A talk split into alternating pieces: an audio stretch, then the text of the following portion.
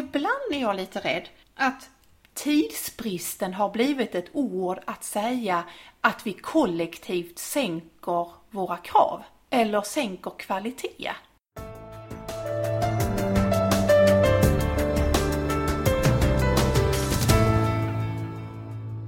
Välkommen till Utmanarpodden! Podden för dig som tror på livet nu. Hur många gånger har du tänkt eller sagt att sedan, efter, det där gör jag när jag får tid? Utmanarpodden är podden som vill ge dig möjlighet att leva nu. Och därför så vill jag i den här säsongens första avsnitt hälsa välkommen du som sitter där och har suttit där fem avsnitt tidigare. Ingmar i Rundvall, välkommen in tillbaka framför mikrofonen. Tack så mycket Magnus, vilken presentation! Det kändes mer som att jag skulle komma med en fjäderboa eller någonting och bara säga hallå, jag är här! Tillbaka ja. i etern. Ja. Jätteroligt! Magnus och jag är alltså tillbaka. Vi fortsätter ge ut våra avsnitt och med olika tema och med olika målgrupper. Magnus, det har ju gått några månader sedan vårt förra avsnitt sändes. Vi sa ju tydligt då att nu hoppas vi på sommar i Sverige. Det blev en sommar i Sverige. Riktigt bra tycker jag. Och då är frågan Magnus, vad har du gjort i sommar? Jag har showat. Mm. Jag ibland står på scen. Sen har jag varit på Gotland med min familj. Mm. Jag har varit på Stockholm Pride. Ehm, jag har umgåtts med vänner. Jag har tagit det ganska lugnt, haft semester verkligen.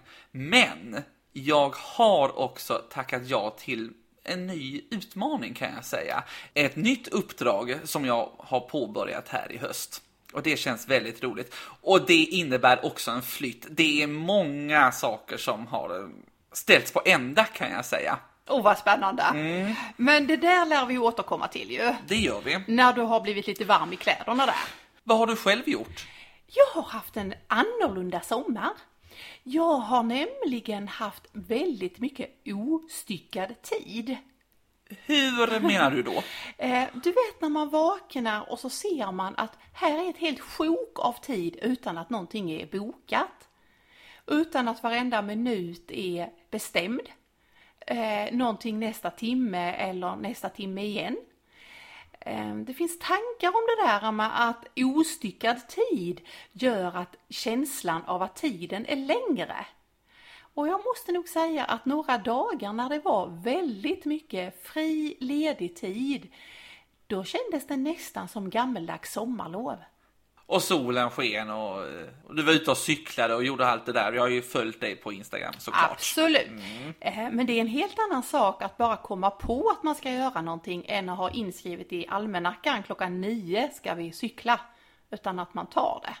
Det var egentligen en snygg övergång till det som är dagens tema. Den heter 24 om dagen. Ja, som vanligt så vet ju du aldrig riktigt vad som händer. Nej, nu tänker jag bara att man ska göra, jag vet inte, armhävningar 24 stycken om dagen eller Nej. någonting sånt. Men det har ingenting med Nej. träning att göra. Ingenting. Så nu ska vi börja och leda in oss på dagens tankar. Och då börjar jag Magnus och ställa så här.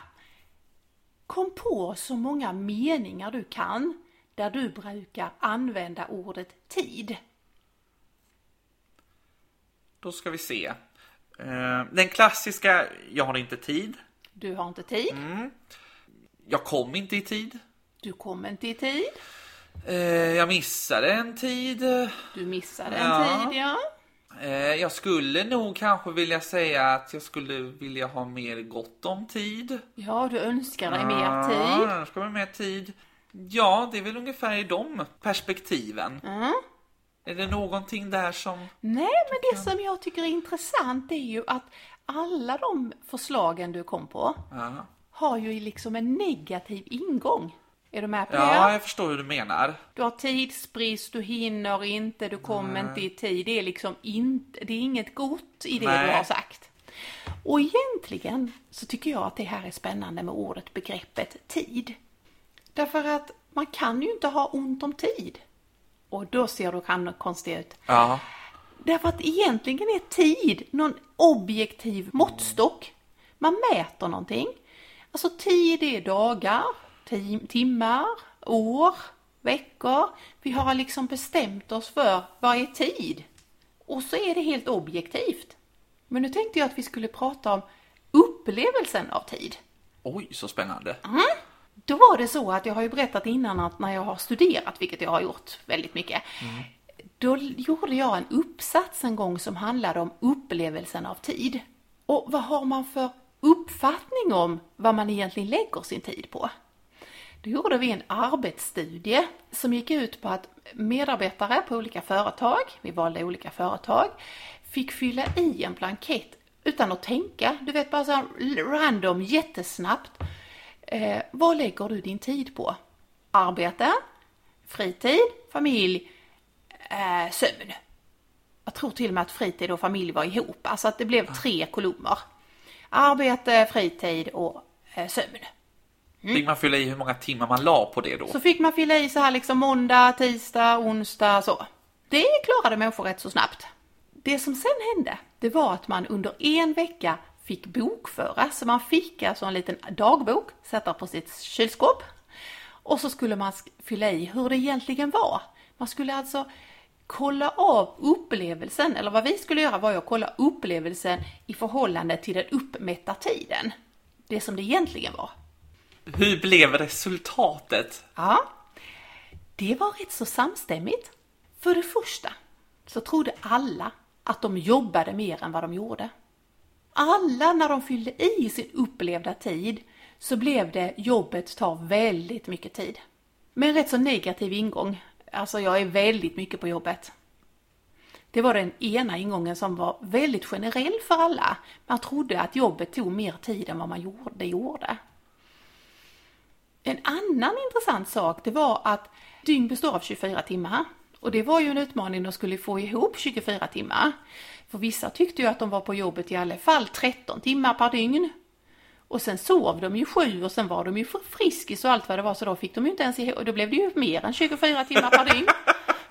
medan, medan andra hade problem på andra hållet. Och det många hade ett kluvet förhållande till, det var de här mellantiderna som man har i sitt liv. Alla visste att man var på jobbet. Och det kunde man räkna ut tillsammans med sin restid, hur lång tid det tog. Sen var det väldigt många av dem som visste att jo men sen har jag liksom tre timmar vid tvn. Eller sen har jag eh, middag och sen brukar jag gå och träna. Eller så har jag middag och sen går jag med hunden så det blir tre och en halv. Eller det kunde man också få ihop. Och sen var det sömn. Men då fattades man timmarna, man fick, man fick inte ihop 24 timmar per dygn. Vilket berodde på att man hade glömt, väldigt många glömde tiden som man hade på morgnarna. Upplevelsen var att man hade ingen tid när man gjorde frukosten och gjorde sig i ordning och läste tidningen och så. Man såg inte det varken som någon sorts kvalitetstid eller som fritid eller arbete eller någonting, det bara fanns där. Det var en jätterolig undersökning att göra och att möta mm, folk som jobbade i olika branscher och se vad som hände när de fick upp ögonen för att, att vi styrs rätt mycket av vår upplevelse av tid. Ja, jag förstår. Jag måste fråga, gjorde du den själv?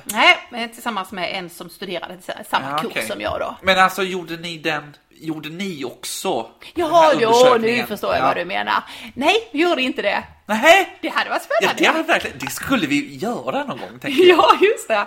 Ja, jag kände nog att jag var så präglad av det. Nej, det gjorde jag inte. Nej. Men jag, jag lärde mig många saker under de åren, eh, eller den våren när vi gjorde det. Just det här, eh, vårt förhållande till tid. För tänk om vi alltid går runt och säger att vi har ont om tid.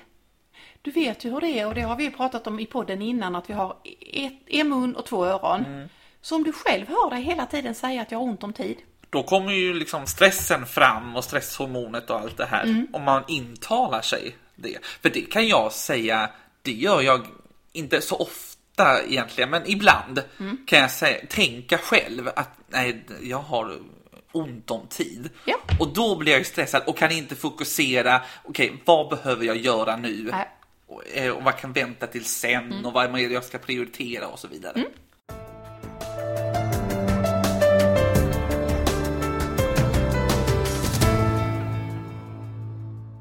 Det finns en kvinna som heter Bodil Jönsson.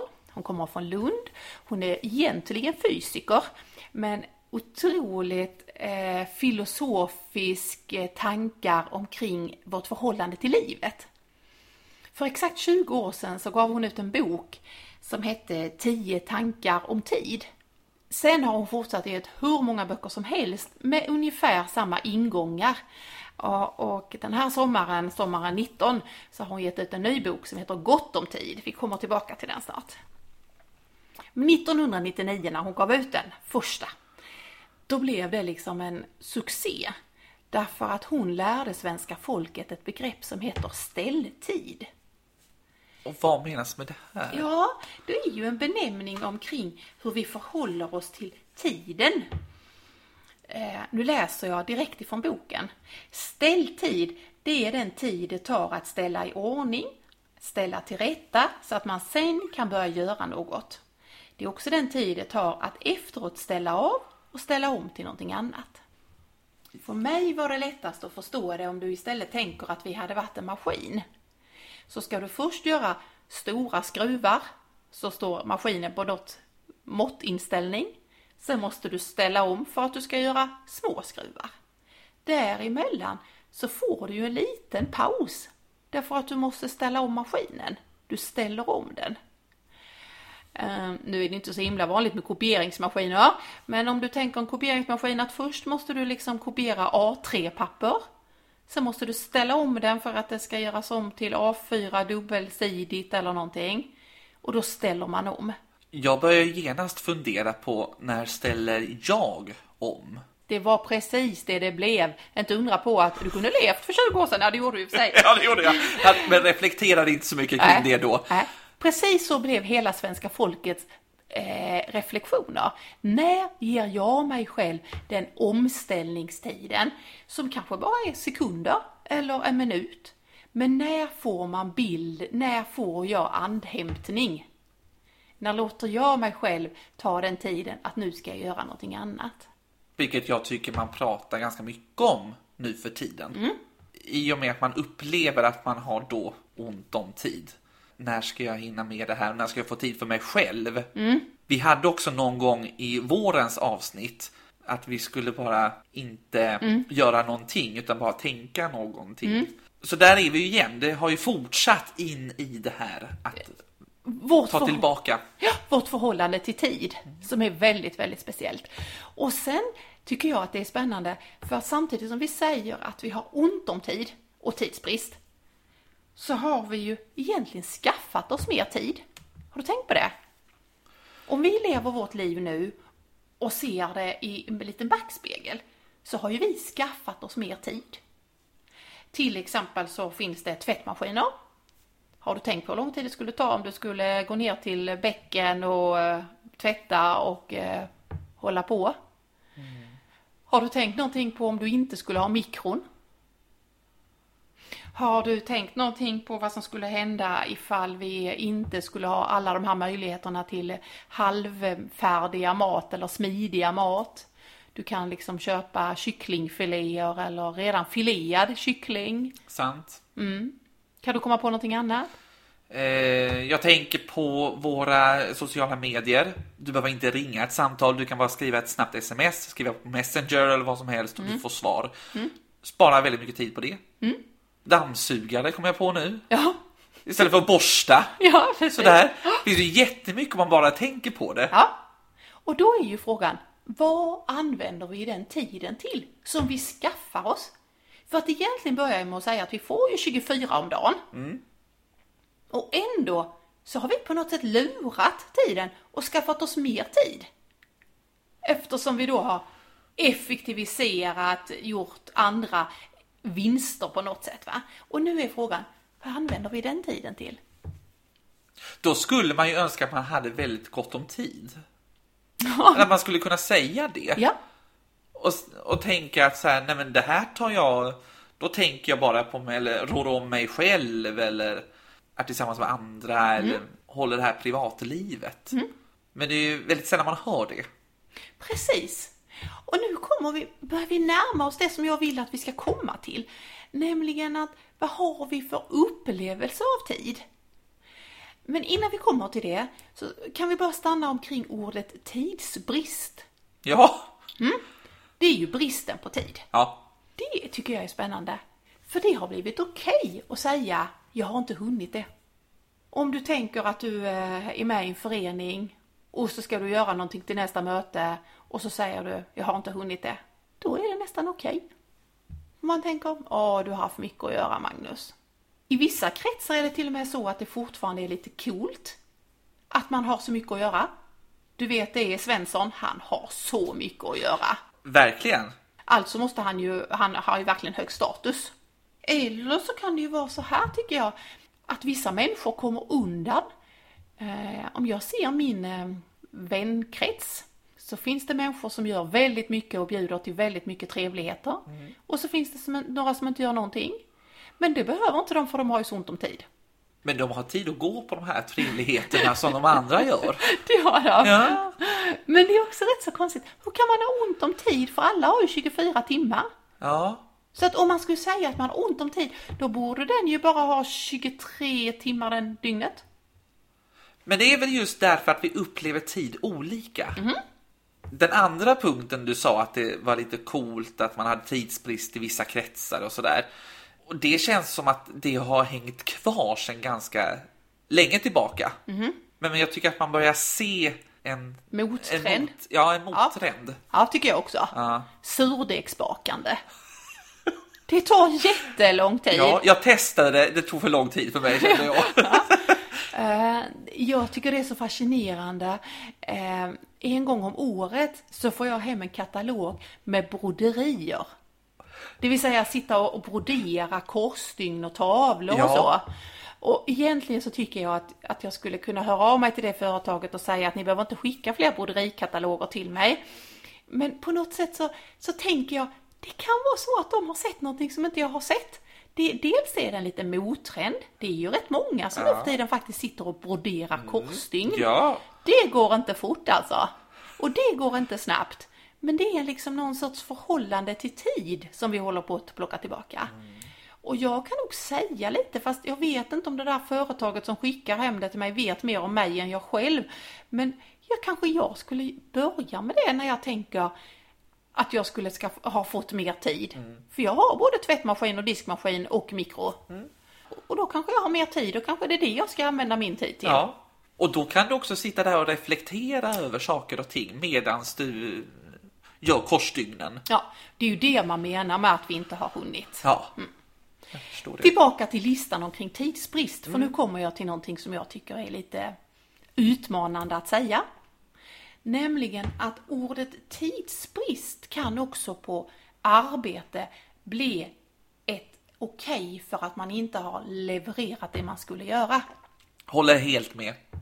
Du fattade direkt? Ja, varit med om det så många gånger. Ja, där man har bestämt och där liksom det blir någon sorts förlåtelse över, jag kunde ju ha gjort någonting annat, men jag hann ju inte. Jag kunde ju ha gjort, men nu blev det så här. Eh, och det har på något sätt blivit okej att säga. Och ibland är jag lite rädd att tidsbristen har blivit ett ord att säga att vi kollektivt sänker våra krav eller sänker kvalitet. För trots att vi lever i ett samhälle som utvecklas varenda dag så finns det ju faktiskt saker som är sämre nu än det var när jag var liten. Hur tänker du då? Jag tänker att på något sätt så, jag lämnade in min bil på service, det skulle ta en timme. Det tog 24 timmar. Och då tänker jag, det är väl inte så hög kvalitet på det kanske? Troligtvis inte, nej. Nej, där jag liksom fick låna någon sorts annan bil och ta mig hem ifrån verkstad och sådär liksom. Eh, och då tänker jag, om man hela tiden går runt och tänker, åh jag har ont om tid och nu är det mycket, så vi skapar en sorts stress, vi skapar ett tänk och vi springer, men vi vet ju inte ens var vi springer liksom. Så det här är lite utmanande att säga, att tänk om det är så här, att det har blivit ett, ett kollektivt okej till att säga, ah, vi hann ju inte, så det fick bli så här. I samma anda omkring tidsbrist. Och det du säger om reflektionsbehovet så läste jag i sommar en eh, intressant sån här hemma hos-artikel. Vad står den här chefen för och så? En som heter Sigge Enart. Han har varit chef innan på Aftonbladet och lite hoppat av ekorrhjulet som han själv uttryckte det då. Och då säger han så här att tidsbrist gör att man inte reflekterar utan bara levererar. Jag förstår honom. Man reflekterar inte, man bara levererar och snabbt ska det gå och man hinner ingenting annat. Utan att kanske reflektera över det. Behövs den här saken som jag gör nu? Eller kan jag göra den på ett annat sätt? Och den reflektionen behövs ju om saker ska bli bättre. Annars gör man ju bara det som man alltid har gjort. Jag tänkte vi skulle börja hösten här med att säga att jag har en väldigt hög målsättning. Jag tänkte vi skulle försöka ändra vår upplevelse av tid. Eller vi skulle ändra vår uppfattning om tid. Och säga så här, varenda morgon så säger vi Det kom 24 nya idag också. 24 nya timmar fick jag idag också. Varje dygn så vaknar vi och har 24 timmar. Vi har inte ont om dem, för de är lika många varenda dag. Det är ingen överraskning. Oj, blir de 24 idag? Det vet vi om att de är. Det är också en av de få sakerna som är helt rättvisa över hela jordklotet och för hela mänskligheten. Sant. Så 24 timmar varje dag. Och då skulle jag vilja ha en trend som säger en positiv laddning i ordet tid. 24 idag. 24 timmar. Och att det är väldigt positivt. Att få vakna upp och tänka, jag fick dem idag igen. 24 timmar. Men det innebär att vi måste, förutom uttry- uttrycka oss på annat sätt, så måste vi också våga och utmana oss att göra det där som vi inte är så bekväma med. För att säga att man inte har tid innebär ju att det finns massor du inte behöver säga. Du behöver inte berätta om du vill gå på den där släktmiddagen eller inte, för du kan bara säga du har inte tid. Du behöver inte säga till jobbet om du vill vara med på afterworken eller inte, utan kan bara säga nej, fredag då har jag inte tid. Och det kommer ju aldrig några följdfrågor på det. Jag har inte tid. Då har man inte tid. Och det är väldigt, alltså man respekterar det. Ja. Och då kan man säga, fick inte du 24 idag då? Så på något sätt så innebär ju det att med ett sånt synsätt, vi fick 24 idag, så måste vi också våga att säga, jag väljer att inte prioritera det. Kommer du på släktmiddagen på söndag? Nej du, jag har valt att prioritera om på ett annat sätt. Kan du vara med på detta? Nej, jag kommer att behöva fundera på livet då.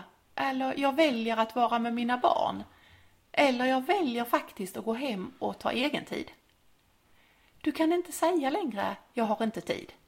Utan jag väljer att inte prioritera. Eller jag väljer att prioritera och då är det någonting annat. Tänk ändå så många frågor det kan komma ur att man säger något sådant istället. För helt plötsligt så blir du mycket mer intressant som person. Att jaha du, och kanske få den andra att reflektera. Som när du sa, när jag väljer att ha min egen tid. Jaha, du väljer det. Jaha, då kanske man sätter igång tankar hos den andra. Eller att du väljer att ha tid med dina barn. Jaha, men då blir det en direkt fråga. Vad ska ni göra för något roligt? För du har också lagt en positiv klang i det här att du vill prioritera någonting annat. Och eftersom du nu tyckte detta var så spännande så kan jag lova dig att det kommer att komma en uppföljning av 24 om dagen. Därför att jag tror att vårt förhållande till tid angränsar till vårt förhållande till livet. Så att många av de frågorna som vi inte kommer in i för att vi stoppar dialogen med jag har inte tid. De kan vi lossna upp med ett annat upplevelse av tidsperspektivet. Så, nu tycker jag vi stannar snart, detta avsnittet. Och nu vill jag bara kolla att ett, du har förstått att det kommer fortsättning. Bra. Två, vad är utmaningen som du, lyssnarna och även jag nu fick?